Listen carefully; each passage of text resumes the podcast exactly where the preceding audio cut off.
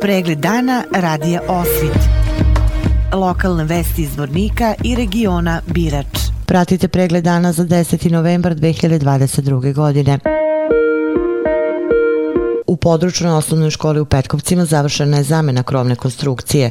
Kako su protekli radovi, čućemo od Sanje Tanacković, direktorica osnovne škole Desanka Maksimović iz Čalopeka, kojoj pripada i škola u Petkovcima. Skoro posle mjeseca dana završena je rekonstrukcija krova na područnom odjeljenju škole Desanka Maksimović Čalopek u Petkovcima. Ovu rekonstrukciju je financiralo ministarstvo sa 112.000 konvertibilnih maraka projekta, gradska uprava sa 50 i nešto hiljada. Radovi su završeni, uspjeli smo da iskoristimo lijepo vrijeme. Izvođač radova je pazio na bezbjednost učenika, tako da nije bilo ni prekida nastave dok su se radovi izvodili. Ono što još planiramo uraditi, manja zamjena stolarije, pokušat ćemo da još na dvije učionce zamijenimo stolariju. Nešto stolarije smo mijenjali i ranije, da uradimo još neke tehničke stvari za učenike sa teškoćama u kretanju, da im se prilagodi provodi prilaz za škole. Grijanje je počelo i ovo je naša jedina škola koja se grije na pelet. Svi znamo kako je bilo teško doći do peleta i koja cijena je bila. Uglavnom potrebne ovaj zapravo količine je nabavljena tako da se nadamo da ćemo i ostatak potrebnog peleta za okončanje grejne sezone nabaviti.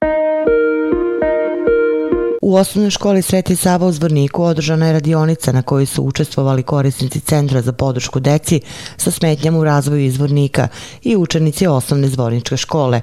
Tokom druženja učesnici radionice napravili su pano korisnih savjeta kojima su deci ukazali na to da bez obzira da li već poznaju nekog učenika sa smetnjama u razvoju ili će tek upoznati, da se potrude da ga uključe u vršnjačku zajednicu, da se druže i komuniciraju sa njim. Na radionici deci je upućena poruka da nemaju pravo da ugrožavaju druge i da im ne daju mogućnost koju sami imaju samo zato što su drugačiji od njih. Od polovine juna u Zvorniku se primenjuje mobilna aplikacija Građanska patrola koja predstavlja jednu od aplikacija iz sistema Pametni gradovi.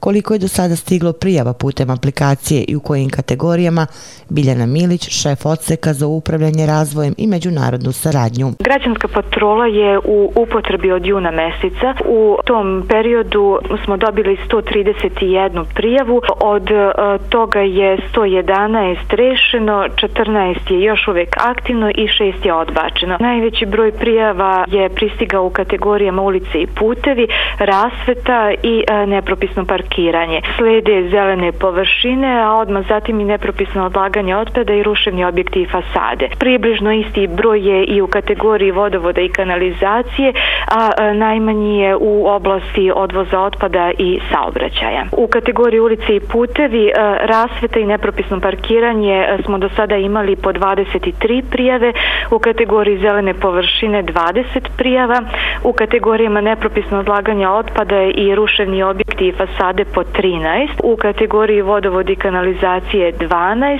dok je u kategoriji odvoza otpada bilo 3, a u kategoriji saobraćaja svega jedna prijava. Aplikacija je potpuno besplatna, dostupna je na Google Play Store-u i Apple Store-u. Može se preuzimati besplatno i njeno korištenje je potpuno anonimno, ne zahtjeva e, nikakvu unošenje ličnih podataka ili registraciju.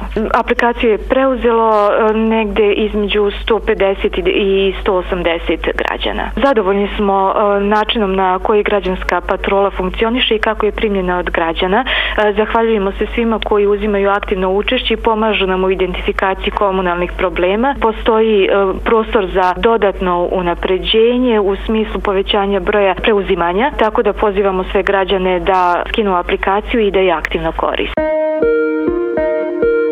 Blagoslov njegovog pravosveštenstva episkopa Zvorničko-Tuzlanskog gospodina Fotija, Svetoslavska omladinska zajednica iz Zvornika i crkvena opština Zvornik Stari grad pod okriljem dobrotvorne organizacije Troje Ručica pokrenule su humanitarnu akciju za kupovinu ogreva ugroženim porodicama, starim, bolesnim i znemoglim licima.